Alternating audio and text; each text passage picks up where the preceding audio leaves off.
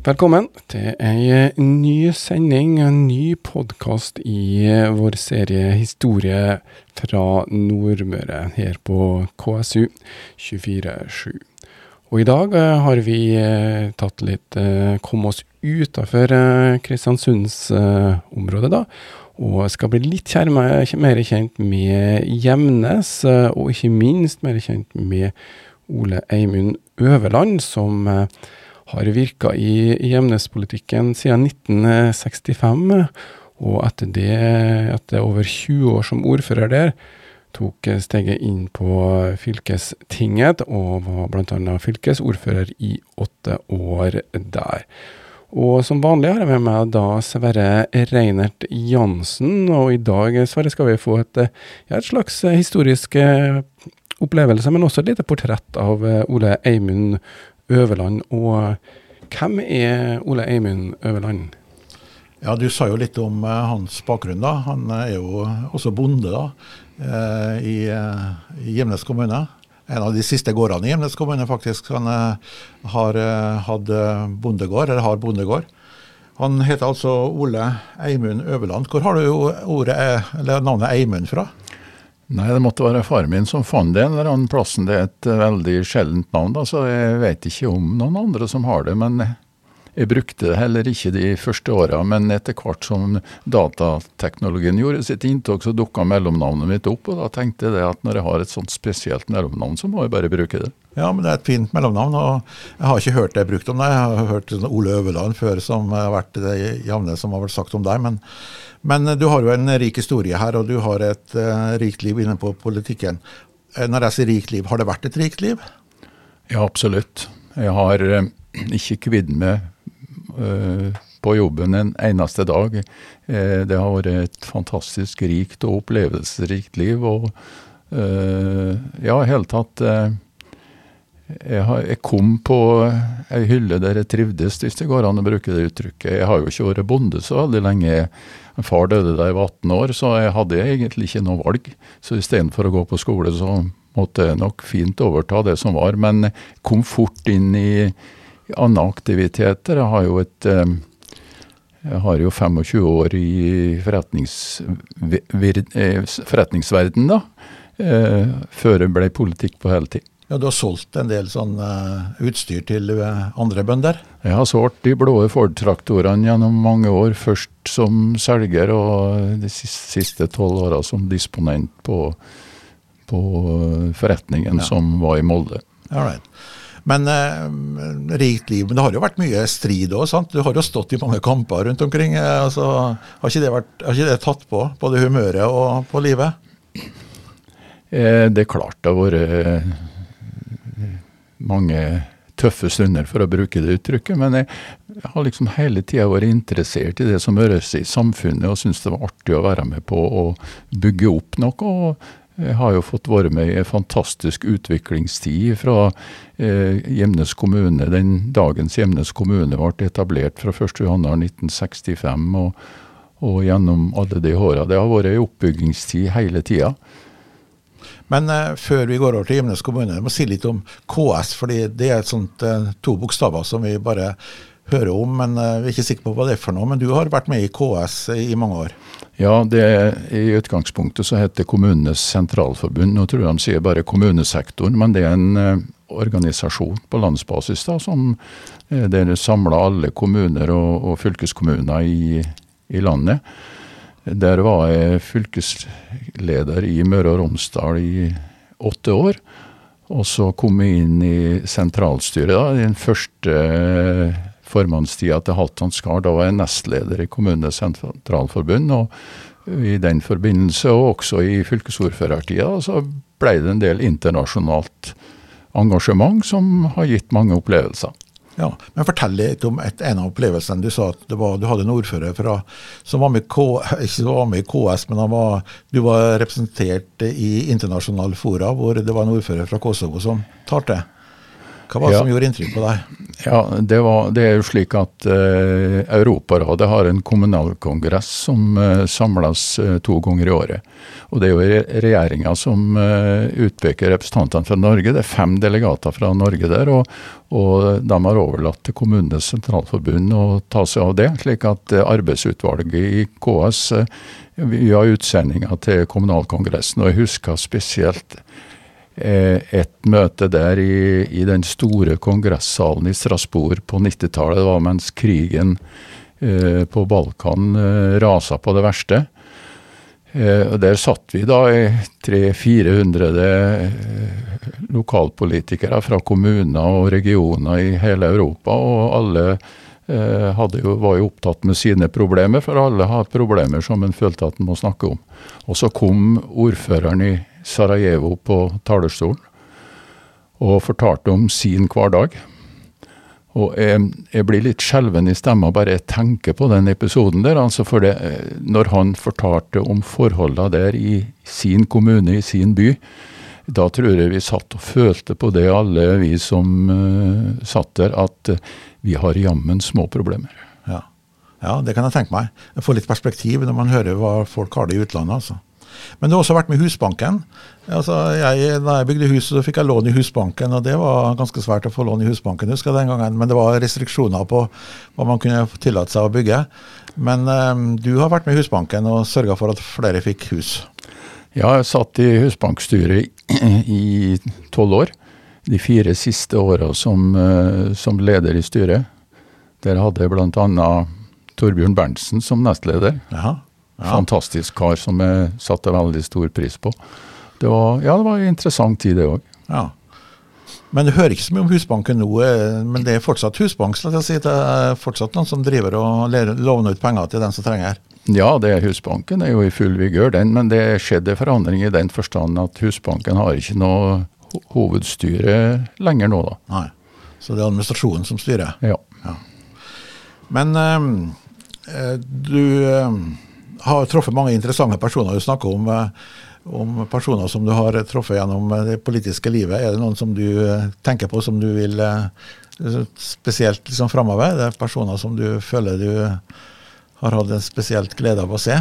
ja, det er jo veldig mange, da, men eh, sånn i farten eh, Du snakker om Torbjørn Berntsen annet, Torbjørn jo Berntsen en brumlebass satt jo også. sammen med i fire år, da. Og, og det er noe av det mest, aller mest interessante det var jo når vi, når vi satt og pra- prata sammen på kveldstid, og han Torbjørn begynte å fortelle om, om sine ungdomsår på Nylands verft, og det han har vært med gjennom, gjennom eh, LO og sin politiske virksomhet. Det var fantastisk interessant. Ja.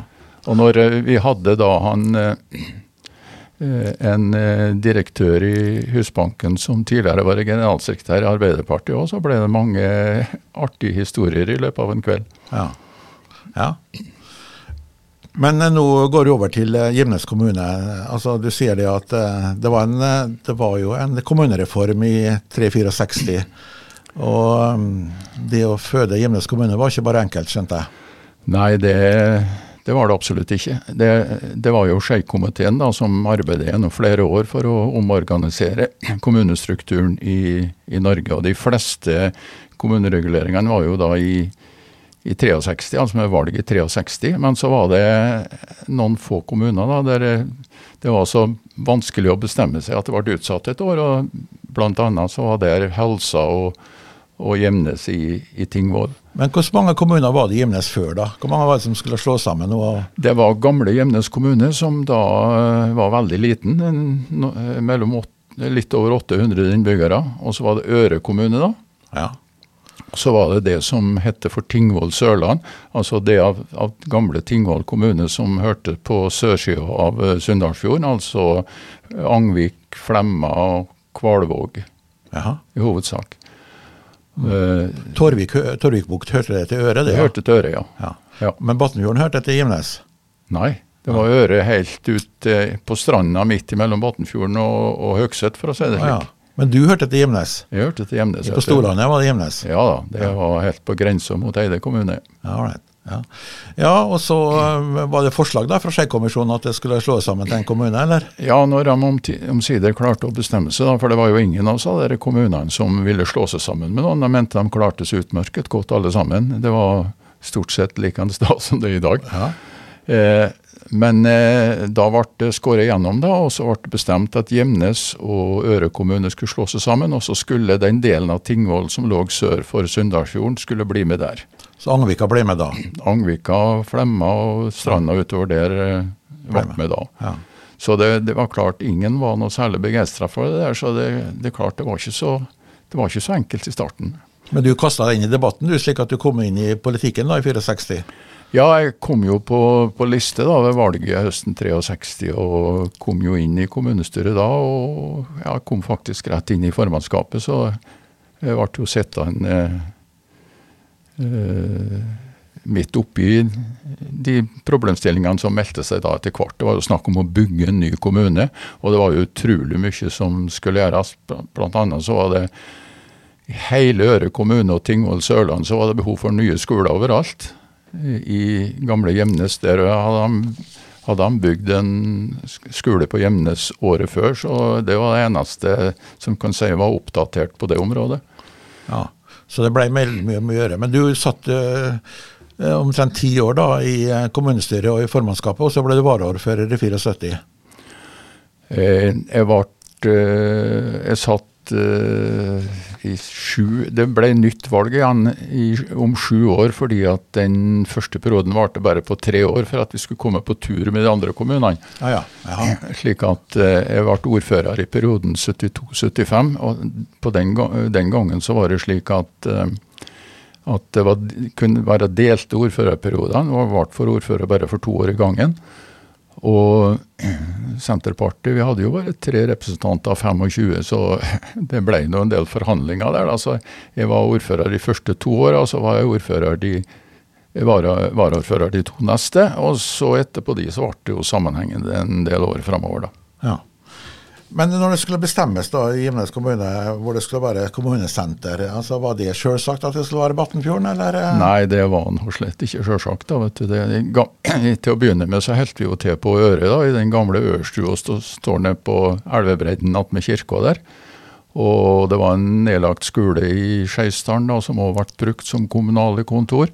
Men eh, alle var jo klar over det at eh, det måtte bygges noe. Eh, så det gikk jo ikke lenge før vi begynte å arbeide med planer om administrasjonsbygg. Da. Og det var ikke så helt enkelt, da, for eh, det var smått om penger også den gangen i, i kommunen. Det var faktisk slik at når eh, når navnet på den nye kommunen skulle bestemmes, så var det en av representantene som mente det at vi burde absolutt kalle nykommunen for Øre, for han mente det blir dårlig med kroner i den nye kommunen. ja, ja, ja. Men slik at eh, eh, det var litt vanskelig å komme i gang med den bygginga. Og det var jo spørsmål hvor eh, Det ble nå vel tidlig avklart da, i forhold til styrkeforholdet i, i, i kommunestyret. At eh, kommunesenteret skulle være på Batnfjordsøra. Den, den eh, sida av kommunen fikk flertall av representanter. Og da ga det seg sjøl, for eh, den andre sida mente jo Torvikbukta. Ja. Eh, men det var ikke så enkelt å komme i gang med bygging. Men så skjedde det fantastiske, da, at det var en utflytta batnfjording, Bernhard Innergård, norsk, som var hjemme fra Amerika. Han hadde jo begynt å bli en eldre mann, da, og han kom med ei storslagen gave på 350 000 kroner som skulle gå til nytt kommunehus i nykommunen. Det ville han gjøre i takknemlighet til, til sin, sitt gamle fødested, som han, som han sa. Og 350 000, det var mye penger på den tida. Men Var betingelsen at det skulle være i Botnfjorden, eller? Ja, ja, ja.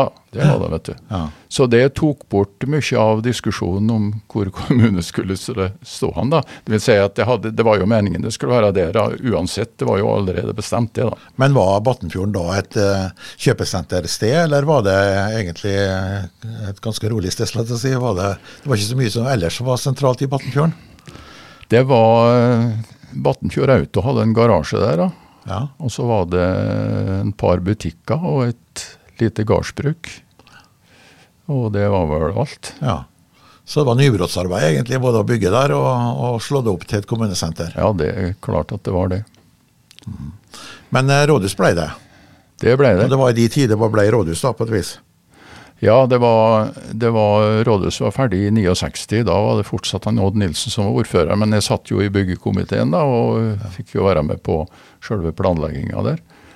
Så det var klart det var veldig positivt det at, eh, at en fikk samle de kommunale etater på samme plass. Og Samtidig så skjedde det jo veldig mye. Det var jo innføring av niårig skole i alle kommuner på den tida, og det krevde jo mer folk og et større apparat i, på de kommunale kontor. og, og i hele tatt, eh, det, det var En ny tid var på full fart inn. Det var oppga nye oppgaver for kommunene. Så, så, det førte jo til at det var klart det var et veldig behov for kommunehus. Men eh, også for skolebygget regner jeg med at det var sånn at det, det var en del skolebygging i den tida der, da? Ja, det var det absolutt. Det, Men var det lett å samle liksom folket om at uh, i én kommune uh, altså det, er jo, både, det, er jo, flere Smøla og mange andre steder også, så ble det jo dette her slått sammen til mange, mange kommuner som ble slått sammen til én. Men det kunne ikke være så lett å samle folket på et vis? Nei, det, det var ikke. vet du. De, den første tida, de første åra, så var det klart at kommunevalgene var noen durable oppgjør. og det det hendte seg jo det at det ble gjort forsøk på omkamp på, i mange saker etter at det har vært et kommunevalg. Ja. Så somme vil jo mene det at, eh, at du merker sporene fra kommunesammenslåinga helt fram til våre dager. Ja. Men i Angvika var det noe skolestrid om Flemma eller Angvika hvor ja, det gikk stort sett greit, eh, det som har med skolebygging å gjøre. Men, eh, men eh, når det gjaldt Angvik-Flemma, så, så ble det en langvarig skolestrid som faktisk sto på i sju år. Jaha, ja. Det var spørsmål om det skal være én eller to skoler. Ja. Flemmingene mente det at det skulle være to, en i Flemma og en i Angvik. Og i Angvika var det vel omvendt. Og så kom det jo opp i kommunestyret i forskjellige sammenhenger til det. og det var, det var eh, mange sånn durable slag, og ei stemme overvekt den ene eller den andre veien. Men nok om det. Til slutt så, så skar eh, departementet gjennom og sa at det skulle, bygge, skulle være én skole. Og den skulle bygges i, i Angvik. Ja, right. Men det er klart at uh, departementet klarer ikke å få bygd noen skole hvis ikke kommunestyret vil. Nei. Så striden den fortsatte jo, den. Så det gikk jo helt til topps. Statsminister Borten var involvert, og kirkestatsråden, den gamle Kjell Bondevik, Bondevik var inne i, i bildet. og ja. eh, Men det, det, måtte jo bli en slutt på det der. Når, når eh, jeg ble ordfører, da, så, så hadde det vært noen statsrådsskifter. Det var faktisk en partifelle av meg som satt i Kirke- og undervisningsdepartementet, som het for Anton Skulberg. Ja. Og jeg snakka med Arnt Hagen, som da var stortingsrepresentant, og han ordna et møte med statsråden, og vi, vi gikk dit. Og vi forklarte jo hele den situasjonen der. Og han Skulberg var jo fra Senterpartiet, da, som eh, er litt mer positiv til små skoler. Iallfall var da. Eh, enn eh, de fleste, kanskje. Og jeg fortalte jo om denne striden som hadde gått i sju år, og jeg forsto det jo på ham da at Tadel syntes det var meningsløst. Så han skar jo igjennom, da. Så det var, et, det var jo veldig stor spenning eh, om hva utfallet var. Det ryktes jo fort at jeg har vært og snakka med statsråden da. vet du. Jeg husker jeg husker det var sangens og musikkens dag inne i Flemma like etter at jeg var kommet tilbake fra statsrådsmøtet. og Da var det ganske mange som sirkulerte i ring rundt meg hele dagen for å lurte på om jeg hadde noe nytt å fortelle. Ja. Det hadde jeg jo ikke, da. Jeg, jeg, hadde jo på følelsen hvordan det kom til å gå. Men eh, det gikk jo ikke så mange dagene før, eh, før eh, statsråden bestemte at Flemma og Angve skulle ha hver sin skole. Ah, ja. ja, så det ble en bra løsning på det problemet etter hvert, da, skjønner jeg. Ja, det Men det var en del kompromisser som måtte gjøres vil jeg tro, når det skulle bygges opp en ny kommune. For det var ikke alt som var selvsagt og lagt i boks fra starten av. Nei, det, det, er klart at det Er du en kompromissets mann, eller? Ja, det må jeg nok si at det er, ja. ja. Så du ser mening i det å lage kompromisser og få til ting? Ja, det, Hvis du ikke har evnen til å lage kompromisser, så får du ikke gjort noe særlig. Nei. Gjennom min erfaring, da. Så du må være villig til å, til å se saka fra flere sider, og finne et eh, felles sams multiplum, var noe Ja. som het i sin tid. Ja, ja det. Men det ble gjort, eh, skjønner jeg, i Angvik. Men det var vel også noe som kanskje altså Etter så mange år som du var i eh, Gjemnes kommune, så eh, var det kanskje noe erfaring å ta med seg i fylkeskommunen, det at du måtte gjøre kompromisser. fordi der var heller ikke alt lagt i bås fra starten av. Nei, det, det er jo slik at eh, Møre og Romsdal består av tre fogderi, og, og det er klart det vil være delte oppfatninger. Noe opple må, må jeg si, opplevde ikke fogderipolitikken så sterkt som, som, som mange tror at den er. da. Nei. Jeg syns at fylkestinget er veldig flink til å samle seg i felles beslutninger. Når det gjelder å, å treffe beslutninger eh, som eh, trenger oppfølging fra sentrale styresmakter, så er det en veldig styrke å, å, å kunne stå sammen. Men hvordan var overgangen da fra en kommune, relativt liten tross alt, og så over til fylkeskommunen, som er et stort apparat sikkert? Ja, den første perioden min i fylkestinget, det var i 72-75. Det var den siste perioden der ordførerne møtte i fylkestinget. Før det ble direktevalg. da var det alle ordførerne i ulike kommunene som var Ja. i fylkestinget. Samt at de største kommunene hadde en eller to representanter i tillegg til ordføreren. da. Men de fleste kommunene var det bare ordføreren som møtte. Og Det var en fantastisk interessant periode, det òg. Fordi at jeg var jo jeg var jo ung og grønn, for å bruke det uttrykket. ikke sant? Og jeg, jeg kom i kontakt med en fantastisk eh, interessante personer som, eh, som satt med mye erfaring på baken. Så det var en opplevelse som egentlig ikke ville vært foruten det heller. Men var det, var det selvsagt at det skulle bli sånn at eh, det ikke var ordførerne som skulle sitte i fylkestinget, men det skulle være direkte valg til fylkestinget? Ja, det var jo en lang prosess da i, på sentrale nivå før det ble beslutta at det skulle være direktevalg til fylkestinget. Og, og når det ble direktevalg, da, så, så gikk jo jeg ut, da. Eh, og kom ikke inn igjen før i valget i 1987. Det, det, det er ofte ganske store tautrekkinger når det gjelder representasjon i fylkestinget. Iallfall så var det det da. da Ja, jeg syns det ser ut som det er det nå òg, men eh, Jamna seg litt ut. Ja. Og jeg, jeg er jo fra Gjemnes, da. Ja. Gjemnes har jo grense mot Fursetfjellet og Molde. Og jeg, jeg har liksom opplevd det at eh, jeg, i enkelte kretser så blir liksom ikke akseptering som ekte nordmøring. Er nordmøring i B-klassen, da, for at jeg, at jeg bor så nære Molde-grensa. ja. Og i forhold til dagens debatt, så tror jeg alle forstår hva som ligger i det. ja, men du, jeg vet jo at du, du bor jo nå, så bor du jo så nære romsdalingene, skal jeg si. Altså, du bor jo nær Eidegrensa da, fra gammelt av. Ja. Så du er jo nesten siste innbyggeren i, i Gimnes kommune før vi går over til Eide på, på Storlandet. Ja, På den andre sida så bor jeg så nær Kristiansund at det er raskere å kjøre til Kristiansund enn til Ja. Molde. Ja. Men eh, fylkeskommunen, sånn, eh, samferdsel var en viktig sak der, vil jeg tro. De Ja. jobba mye med veier og Ja, ja, asfaltering av veier og ja, ja. ny, nybygg av veier. Det er jo en kamp hele tida når du er ordfører, og det er for å få veiparsellene dine opp eh, til prioritet da, i, i den sammenheng. Så det er klart det er veldig viktig å drive eh, lobbyarbeid i forhold til Som ordfører må du drive lobbying i forhold til fylkestinget og fylkespolitikerne. Og du må drive lobbying i, i forhold til, til storting. Som fylkesordfører, ja. Mm. Ja. Men hva var viktige veiprosjekter da, eller samferdselsprosjekter i de tider, så du kan huske? Eh, I starten på Gjemnes kommune så var det å få ferdig Sørlandsveien, altså rv. 666, som går fra Angvik rundt kysten, for å si det slik, og til Torvikbukt. Og det var jo eh, Det, også skoleutbygging, var den viktigste saka for det som tidligere var Tingvoll Sørland.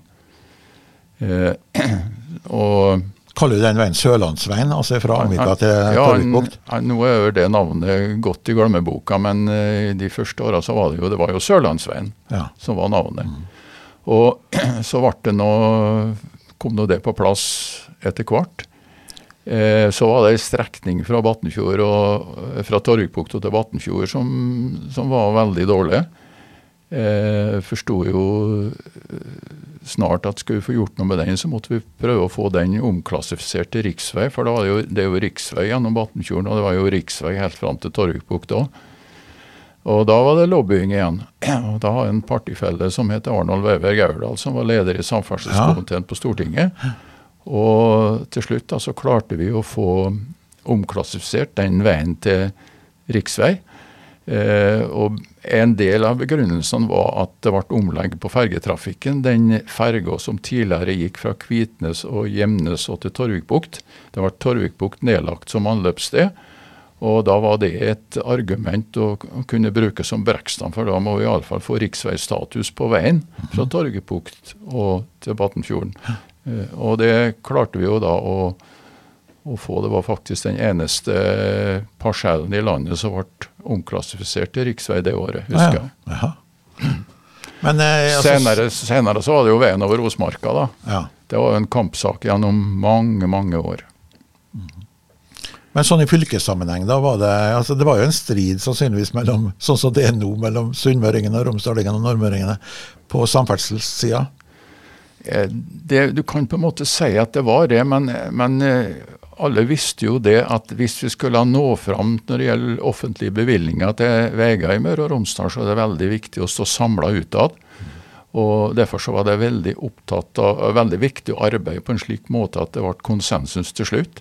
Og jeg husker den siste forslaget eh, vårt til, til justering av norsk veiplan eh, som vi hadde oppe i fylkestinget i, ja, like før jeg slutta i 2003. Da gjorde fylkestinget et enstemmig vedtak om veiprioriteringer i Møre og Romsdal. Og når en vet hvor mye kryssende interesser som er ute og går, så er det lett å forstå at eh, det var et, eh, et veldig sterkt vedtak. Og jeg husker det ble alltid kom kommentert fra stortingshold at, eh, at Møre, Møre og Romsdal kommer og står samla om sine veiprosjekt. Eh, I stortingskomiteen husker jeg det ble sagt at eh, det hender så ofte at det kommer både to og tre delegasjoner fra samme kommune om eh, veiprosjekter i Møre og Romsdal. Der står de samla, og, og det er en styrke. Var lettere å få det gjennom da når du har samling. Ja, klart det. Ja. Men eh, jeg tenker på et annet stort prosjekt. altså Tjeldbergodden var vel stort sett over når du begynte i fylkeskommunen, kanskje. Men, men Ormen Lange var jo et veldig eh, stort prosjekt. Ja, det, det var jo slik at eh, da oljealderen starta i Norge, så var, jo, så var det jo lagt det ned i intensjonserklæring i Stortinget om at oljen skal skape aktivitet, arbeidsplasser i, i, på land i Norge. Og det var vi opptatt av i Møre og Romsdal, at vi måtte få noe aktivitet på land. Eh, Tjeldbergodden kom jo på plass da. Men så var det jo slik at eh, under ei utbygging eh, av det store Oscar-feltet, så, så fant vi ut det at vi måtte prøve å få gjøre noe for å få den gassen til land. Og, og dra, slik at vi kunne dra nytte av den og skaffe aktivitet på land i Møre og Romsdal. Jeg husker vi, jeg var i et møte med Marit Arnstad, som da var eh, olje- og energiminister. Og eh, da fikk forståelsen at det toget var gått. Men så var Ormen Langefeltet oppdaga. Og så eh, siste om Marit Arnstad sa da vi gikk ut døra, at 'sats på Ormen, gutta', sa hun. Jaha. Ja. Ja, ute på gangen så så jeg på en Ståle Nogva fra, fra administrasjonen som var sammen med oss og sa at nå, der skal vi starte, slik at vi ikke kommer for sent. Og så gikk vi tilbake, og så snakka vi sammen, og så fant vi ut det at vi skulle etablere ei, ei arbeidsgruppe som heter Ormen til Møre, for å jobbe for å få ormengassen i land i, i Møre og Romsdal. Det var jo et eh, nybrottsarbeid av de store, da. Det var ikke så mange som hadde tro på oss i utgangspunktet. Jeg husker da vi etablerte organisasjonen og skulle ha pressekonferanse, så Tidens Krav f.eks. ga det ikke å møte opp engang. Så det var ikke så mange som, eh, som trodde på det. Men eh, vi starta nå opp, og da vi virkelig fikk trua, det var den, eh, det var den 31. april i 19... 5, 5, ja, 98, 99 var det vel, tenker jeg. Eh, for da visste vi det at han Gunnar Berge, tidligere statsråd som nå var oljedirektør, og satt i Stavanger, skulle komme til Molde og holde 1. mai-tale. Så han Ståle Nogva og jeg vi avtalte et møte med han Gunnar Berge om kvelden før, etter at han var kommet til Molde. Og så fortalte vi om prosjektet vårt, og var veldig spent på reaksjonen fra han, da, som var oljedirektør. Og så sier Gunnar det at uh, da skal de jobbe videre med, for det der, har, det der tror jeg på, sånn. Mm. Og da var det to letta gutter som gikk ut fra møterommet, fikk ny inspirasjon for at det der må vi jobbe med. Men det er klart, det var offshore-løsninger alle var opptatt av. Det, og, og det, det, det, så på en måte litt svart ut i utgangspunktet, men så skjedde det jo en teknologisk utvikling gjennom, gjennom tid som gjorde at det der ble eh, aktuelt til slutt. Eh, det er jo slik at eh, Da vi starta, så visste vi det at det vi for alt i verden må unngå når vi skal prøve å få gassen til land, det er at det blir et stri om ilandføringssted. Så, så fikk vi med oss alle aktuelle kommuner, det var jo veldig mange til å begynne med, vi fikk dem med på vår intensjonserklæring om at nå skal vi satse på å få gassen til land. Og så vet vi det at å klare å få gass til land, det er så vanskelig at vi, vi må velge det ilandføringsstedet som optimalt best sett fra utbyggerne sin side. Det var alle med på. Og det var jo fantastisk i seg ja, sjøl, da. Ja. Det ble en liten glipp på slutten, da, men la nå det være. Det, den eh, strategien holdt vi steinhardt på hele tida. Og når eh, konklusjonen kom om Aukala, så, så ble jo det resultatet. Eh, nå er det jo i ettertid mange som mener det, da, at at når Aukra ble vart, så var det fordi at han Hydro-direktør Eivind Reiten han var fra, var fra, var fra Misund.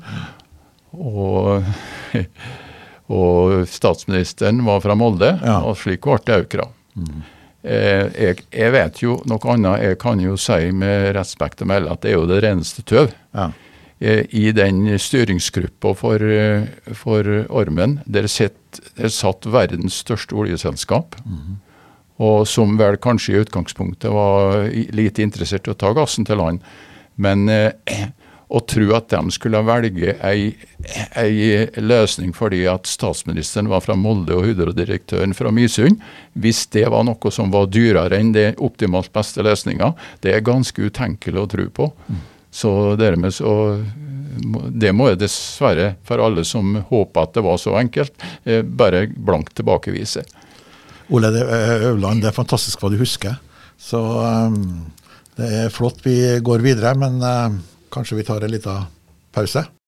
Du uh, hører fortsatt på uh, Historier fra Nordmøre, en podkast uh, rett og slett om lokal historie her på og fra Nordmøre, da. I dag så har vi fått besøk av Ole Eimund Øverland. og han har en samtale da med Sverre Reinert Jansen, og de hadde jo snakka litt om detaljene omkring da hvordan Ormen Lange havna på Aukra, og han kunne jo da fortelle litt fakta rundt det. Jeg overlater egentlig bare samtalen videre til Sverre og Ole Eimund, og nå eh, kanskje vi skal få høre litt eh, om forholdet til Kristiansund.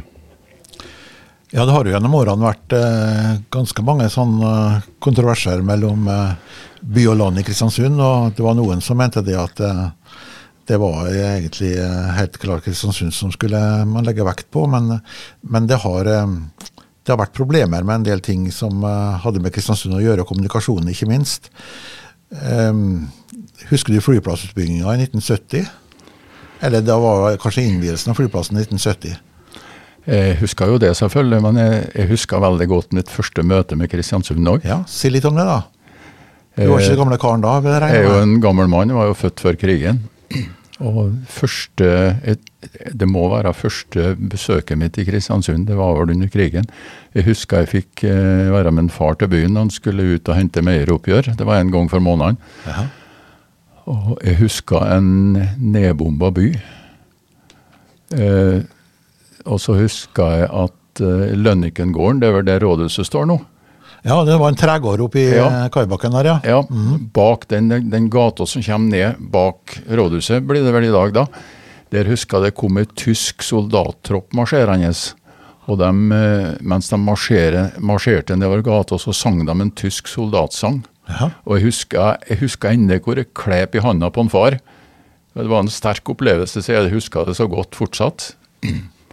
Eh, Det er mitt første møte. Og det andre jeg husker fra den byturen, det var at vi skulle inn på kafé og få middag. Og det var dagens store nedtur, for det var, sterk, det var kokt småsild fullt av bein, og det var ikke så populært for en liten kar. Nei, det skjønner jeg godt. Men du solgte noe i Kristiansund, og du gjorde ikke det? Du solgte noen varer? Ja, eh, jeg var vel bare en 12-13 år, tenker jeg, når jeg, når jeg var, satt, sto på Torvet og solgte mainepe og stikkelsbær. Eh, Det var Det er der du henter formuen din, skjønner jeg. Det var artig Nei, jeg har ikke formue. Men det var, det var artige opplevelser, da. Ja. Eh, Det var tøffa utover fjorden med Breitus eller Marta, sånne der små båtene. Ja, Konstafjorden Konstadfjorden eller noe sånt. var det. Kon Konstafjorden og Ja. Bremsnesfjorden, da. Ja. Og det, det gikk jo mørebåter òg, men de var 50 øre dyrere på billetten, da, så det var helst Breitus vi tok, da. Ja. Og Ja, gikk en sånn fra kai til kai, den, på begge sidene av fjorden? Kryssa fjorden, ja. Kryssa fjorden, ja. Og og jeg husker det folkelige som var langs med kaia. Til med kaia nedom meieriet, og, og alle mjølkespannene som skulle opp på meieriet, og, og kyrne som skulle på slakteriet, som ble heisa på land. og Ja. Men det var jo torvhandel, da. Der var det jo stor aktivitet. da. Det var ikke så mye storlendinger der, det var mye avreiinger. Ja, ja, det tenker jeg det var. Ja. Eh, Så det var en artig opplevelse. Jeg husker jeg hadde noe jeg hadde noe stikkelsbær som var så grønn, men den var veldig søt. Aha. Og når det var ei krone for korga, da, så fant jeg ut at jeg måtte gå ned på 90 øre, siden hun så så grønn Ja. ut. Og det gjorde jeg, og da bedra det salget, for når de først smakte på, så syntes de hun var veldig søt og god. Ja. Ja, ja, det, det, først, eh, noen sånne forretningstriks det måtte jeg venne meg til ganske tidlig. ja, ja, det var eh, lurt det der. Men jeg har jo mange opplevelser fra Kristiansund ellers, da, selvfølgelig. Jeg må si det at uh, når jeg sier at jeg skal til byen, da betyr det Kristiansund. Fortsatt. Ja, for du har reist mange år mot Molde. Ja, visst har jeg gjort det, og det var jo et stort handikap for meg i, i politikken som nordmøring, det å skulle ha et arbeidssted i Molde. Jaha, Så du ble hetsa litt det- av det? Ja, Nei, vi skal ikke gå inn på det nå, men jeg, men jeg har jo jeg, må påstå det at jeg har hele tida vært litt opptatt av kontakten mellom by og land. Og, men så eh, har jeg jo hatt ganske mange opplevelser gjennom mitt politiske liv da, som, eh, som gjør det at eh, jeg ser at det er ikke så veldig enkelt å få det der til å fungere. Jeg husker da jeg som fersk ordfører på 70-tallet, da var jeg invitert uh, i, i Rotary i Kristiansund av han Bernt Gulla, som Ja. da var president, Ja. og skulle prate litt om uh, forholdet mellom by og land. Jeg husker jeg ikke nå hva, hva jeg sa, men jeg husker spesielt det ordskiftet som var etterpå.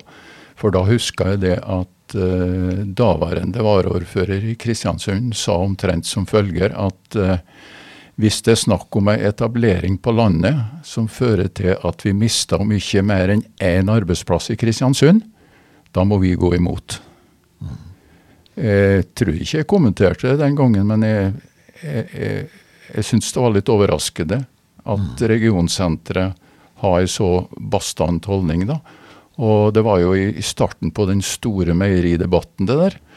Og det skulle jo vise seg etter hvert da at uh, det der er en realitet da, som jeg har gitt meg på en måte ganske mange skuffelser gjennom mitt politiske liv, fordi jeg mener det at uh, det må være en Det er noe snakk om å, å gi og ta her. Skal by og land spille godt sammen, så, så må det være en viss romslighet i det og ikke bare én vei, men begge veiene. Men sånn mener du egentlig da kristiansunderne har oppført seg på et, på et vis? At de har ikke satt nok pris på landet? Ja, jeg har noen opplevelser som gjør at det var en real... Når det gjaldt f.eks. den der store meieridebatten, da, det var jo slik at meieri i Kristiansund og meieri i Molde det skulle jo nedlegges, og så mm. skulle det bygges et midt imellom. Og det var en sak jeg jobba med. Jeg tror jeg jobba med, med, den i en, seks-sju år, for jeg fikk jo greie på at det var, det var ting på gang.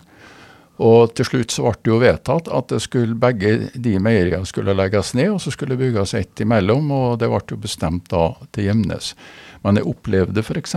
det at etter at det var bestemt at, at meieriet skulle bygges og finansieringa var på gang, så opplevde jeg at formannskapet i, i Kristiansund eh, gikk til de, departementet og skulle prøve å forhindre at meieriutbygginga fikk tilskudd fra Distriktenes utbyggingsfond. Sjøl lenge etter at eh, det var bestemt at eh, det skulle bygges. Så, så det, det, er en skuffelse opp, akkurat i den saka. Og vi har mange slike Men du har flere. Du, har, eh, altså, du pekte en gang på Atlanterhavsveien og sa det at der var ikke kristiansunderne akkurat på hugget. Ja, det har ikke jeg for så vidt hatt noe med. Men når, når når, når, vi snakker om forholdet mellom by og land. og så er det jo slik, Hvis vi tenker på kommunesammenslåing f.eks., så er det jo slik at uh, de standpunkt som kommunene tar til, til, til kommunesammenslåing, det har sammenheng med hvilke erfaringer en har gjort seg med nabokommunene. Ja. Og jeg husker jo at eh, når Atlanterhavsveien skulle bygges, så, så, var jo flertallet i Kristiansund eh, bystyre mot i utgangspunktet. Og Eh, når det gjaldt den store Krifast-utbygginga f.eks., som, eh, som var, der, der, var det nødvendig med et, et sterkt samarbeid mellom, mellom uh, Tingvoll, Gjemnes og Kristiansund for å få det etablert. Det var ikke så helt enkelt i starten. Uh, det var vanskelig å få finansieringsplaner til å gå opp. Uh, det ble nødvendig å ikke bare legge ned de to fergene som gikk eh, Kvalvåg-Kvisvik og, og, og Gjemnes eh, Kvitnes. Men eh, det var også snakk om at man måtte få legge ned Angvik-ferga, ferga som gikk mellom Angvik og Tingvoll, langt inn i fjorden, mm. for å få til det regnestykket til å gå opp, altså med innsparte fergekostnader. Og når en vet de nære tilknytning som var mellom Angvik og Tingvoll, eh, de, alle i Angvik har jo sine forfedre som ligger på, på gravstedet i Tingvoll. Og, mm. og, og, trafikken har jo gått fram og tilbake over fjorden. Og tenker seg det at de skulle da liksom på en opp, måte ofre den fergeforbindelsen og så i stedet kjøre ni mil for å komme ja, det var veldig langt rundt der. Ja, det er helt ja. sikkert. Mm. Så, så, det, var så, det, var ikke så, helt enkelt. Men vi så at, uh, vi så at det var nødvendig, og, og Gimnes kommune og angvikinger tok jo den belastninga det var og, og, og, være med på det der for å klare å få finansiert eh, Krifast. Mm. Og så var det jo slik da at eh, eh, når det endelige vedtak skulle gjøres, så viste det det at finansieringsplanen for Krifast sprakk. Og jeg husker jo veldig godt eh, han Ingvar Sverdrup kom og snakka med meg, som var ordfører i Gjemnestad òg om at eh, vi, må den, vi, må, vi, må kutt, vi, må utsette noe av Krifast for å få regnestykket til å gå opp. Og det som da var passa best å få utsatt, det var den, det den strekninga på Gjemnes-sida, altså fra du kommer på land fra det som der nå tunnelen er og Nyveien innover stranda. Det må vi utsette til seinere for å få regnestykket til å gå opp. Og det var jo litt bittert å svelge, selvfølgelig, men må vi, så må vi. Og så tok vi den òg. Og så gikk, ble jo Krifast realisert, og alle var lykkelige og glad i flere år. Og så kom vi så langt at uh, når Krifast begynte å bli nedbetalt, så var tida kommet til uh, at uh, den siste parsellen skulle realiseres. Og hva opplever vi da? Ja, Vi opplever det at flertallet i Kristiansund bystyre sier nei. Nå skal vi rive bommen fortest mulig få den revet ett og et halvt til to år før. og så Det er ikke nødvendig med det der. Og godt oppbakka av tidens krav så, så sa Kristiansund nei. Så ble det jo en ny strid, da. Og, men heldigvis så, så, så, sa jo, så var jo Møre og Romsdal fylkeskommune og Frei kommune, som da var, og, og Tingvoll kommune og Gjemnes mente jo det at vi skulle fullføre Krifast. Og så ble det jo en ny runde med kamp, da. Da var jeg jeg slutta i, i, fylkespolitikken, men jeg satt som, uh, som styreleder i noe som heter Samspleis, ja. som jobba med, med samferdselsutbygging. Så det ble han midt oppi der. Så Kristin Sørheim, som da var ordfører i Tingvoll, og, og jeg som da satt som styreleder i Samspleis, vi Det var antagelig den saka i huska der jeg var mest uh, Skal vi bruke uttrykk ukvemsord å få. Mm. Men vi visste at vi gjorde rett, og i ettertid nå så håper og tror jeg det at alle ser at det var rett å fullføre Krifast. Ja, vi tenker ikke annerledes vi som lever nå. Vi tenker jo at eh, det var naturlig at veien gikk der han gikk, eller går der han går nå. Så ja, og det var jo både tre eller fire stortingsproposisjoner som stadfesta det at mm. uh, tunnelen på Gjemnesaksla og veien innover stranda det er en del av Krifast. Mm. Så det var umulig å komme seg forbi. Mm. Sjøl om det ble gjort uh, mange forsøk. Men jeg skjønner godt at det kan bli, eh, at det kan bli bitterhet på et vis uh, når man sitter på andre sida her og blir overkjørt sånn av en ganske stor kommune som Kristiansund var da. Ja, det er den type opplevelser uh, som gjør at det er ikke så lett å hvis du skal tenke seg at du skal bygge sammen til en stor kommune, så hvis, hvis, du sitter, hvis politikerne rundt omkring i, i, i, kommunene sitter med slike opplevelser fra før, så er det med, med på å forme holdninger, ja. tror jeg. Mm. Mm. Så men det var noe med, med vaskeriet på sykehuset også som uh, var et uh, problem. fordi at ja. det skulle jo også samordnes. I etterkant så kan en jo smile, da. Men det var jo slik at det kom en sak i fylkestinget. Det var fylkesrådmann Ellingsgård som fremma en sak om bygging av et, et vaskeri på Batnfjordsøra, mm. som da skulle samle vasken fra sykehuset i, sykehuset i Kristiansund og sykehuset i Molde, samt eh, alle sykehjemmene rundt omkring i kommunene. Og Det ble jo en stor diskusjonssak, da. Og jeg husker jo Romsdalsposten, avisa Romsdalsposten eksisterte jo på den tida, og de var jo veldig opptatt av den der saken der. Og jeg husker det at uh, styreformannen for uh, sykehuset i Kristiansund, de hadde jo eget vaskeri da, mm -hmm. Eh, han sa det til Romsdalsposten at uh, vi kan jo ikke gjøre tøytransporten avhengig av fergene. Og da var det ordføreren i Gjemnes slo til og sa det at uh, at hvis ikke fergene er gode nok til å frakte skittentøy, så er de heller ikke gode nok til å frakte nordmøringer til Kristiansund. det fikk jo, det fikk jo store avisoverskrifter, da, og stor applaus i heimkommunen min, og antageligvis eh, ikke så mye applaus i Kristiansund. Sikkert ikke. sikkert ikke. Så det, den, det har vært en del type, sånne stoff. Eh, mm, det type, type ja. opple eh, mm. opplevelser som, eh, som en husker, men som en kan le av etterpå. da. Ja, men det var alvorlig nok når det sto på. Ja, det, det, er klart det var det. Mm. Men hva tenker du nå da om dette her eh, korrespondansen mellom Kristiansund og Trøndelag og Trondheim og Aure og Trondheim og Smøla og Trondheim og sånn? Jeg syns det er ille at uh, skuffelsen i sykehussaken har ført til det at uh, det ble snakk om å flytte til Trøndelag. For det er jo det som ligger bak her. Mm ut ifra den oppfatninga at det er Molde og moldensernes skyld at sykehuset kommer der det kommer. At det er en statsråd fra Høyre som sitter med ansvaret, det er vel ikke alle som tenker like mye på. Men det, det er iallfall et Jeg syns det er et forferdelig feilspor i hele tatt å, å, å, snakke om det, da, for jeg vet jo eh, hvordan situasjonen er. Og det er en del faktagrunnlag en behøver, den som skal ha oppfatning om hvilket fylke en skal tilhøre. Og jeg ser jo av uh, alle innlegg i avisene at uh, det er så mange som tror at en vet, mens en faktisk ikke vet. Når vi nå tenker på hva som Jeg, jeg, jeg satt og så avisa i dag før jeg, gikk, før jeg kom hit i studio.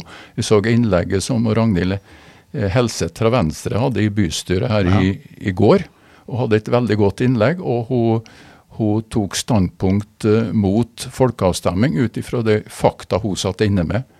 De samme fakta eh, satt sikkert alle kommunestyrerepresentantene med, men jeg, var storlygen overraska over at, eh, at det var bare de tre fra Venstre som hadde tatt det standpunktet. Når en vet hva som blir Det meste av det som eh, er positivt i Kristiansund for tida, er det jo Møre og Romsdal fylkeskommune som har regien på. Tenker på eh, bygging av Kulturhuset, tenker på Campus Kristiansund. Eh, og det faktum at fylkeskommunen nå har etablert 40 nye arbeidsplasser i Kristiansund, og skal komme 30 nye, og skal tenke seg da at en skal etablere ei fylkesgrense i Kornstadfjorden og Bremsnesfjorden, det er jo å dra rullegardina fullstendig ned for regionsenteret Kristiansund.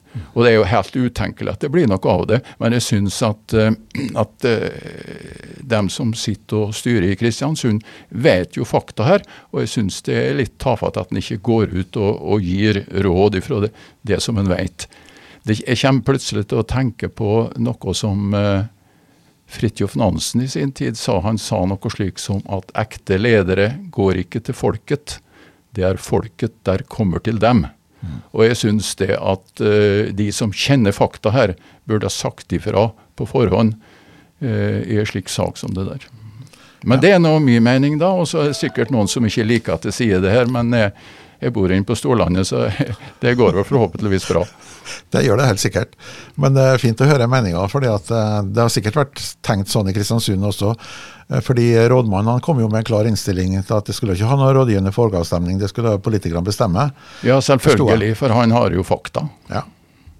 Men vi må avslutte, Ole, eh, med Vi begynte egentlig med folk som du hadde satt pris på og kjente, men du kjente Kåre Willoch også? Jeg har møtt mange interessante personer. og eh, Jeg nevnte Torbjørn Berntsen og jeg har nevnt Kåre Willoch. Jeg må si jeg, satt, eh, jeg har satt veldig stor pris på, på begge to. Eh, en liten kuriositet. da, To ganger i livet jeg er jo Senterpartimann, men to ganger i livet så har jeg, vet, har jeg blitt karakterisert som en, som en ekte sosialdemokrat. Jaha ene gangen av han Torbjørn Berntsen og den andre gangen av han Kåre Willoch. Ja.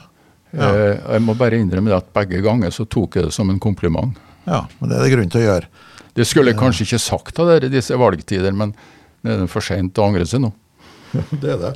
Men du har Kongens fortjenestemedalje i gull også, fra 2008. Eh, du har truffet kongen?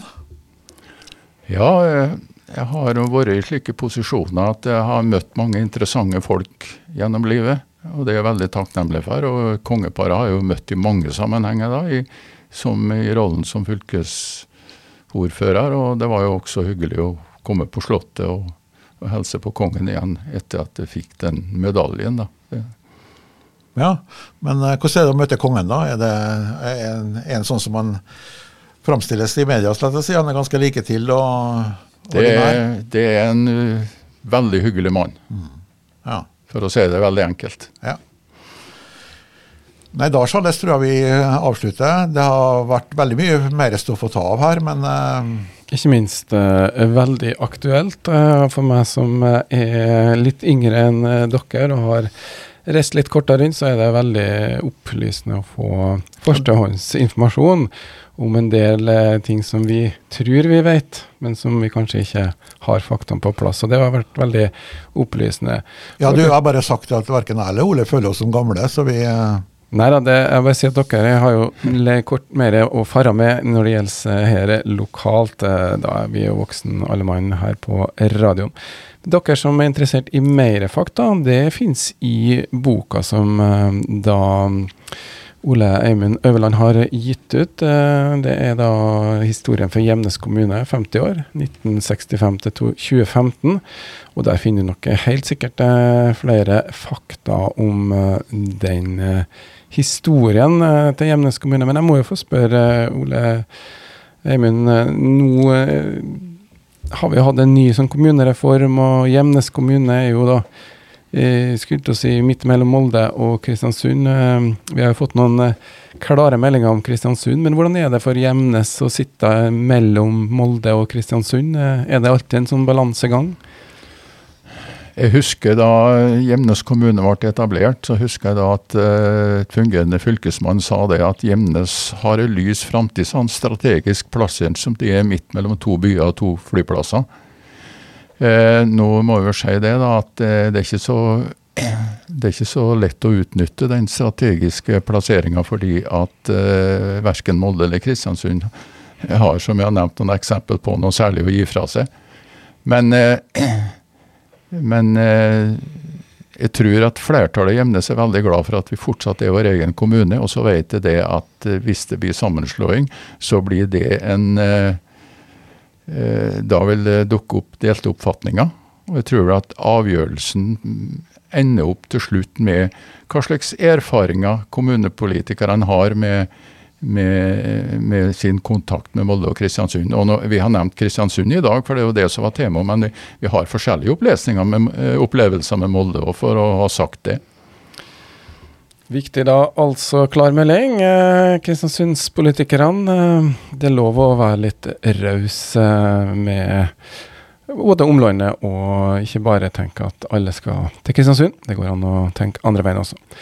Det var ellevte episode i podkasten 'Historia fra Nordmøre'. Og jeg skal si tusen takk eh, til deg, Ole Eimin Øverland.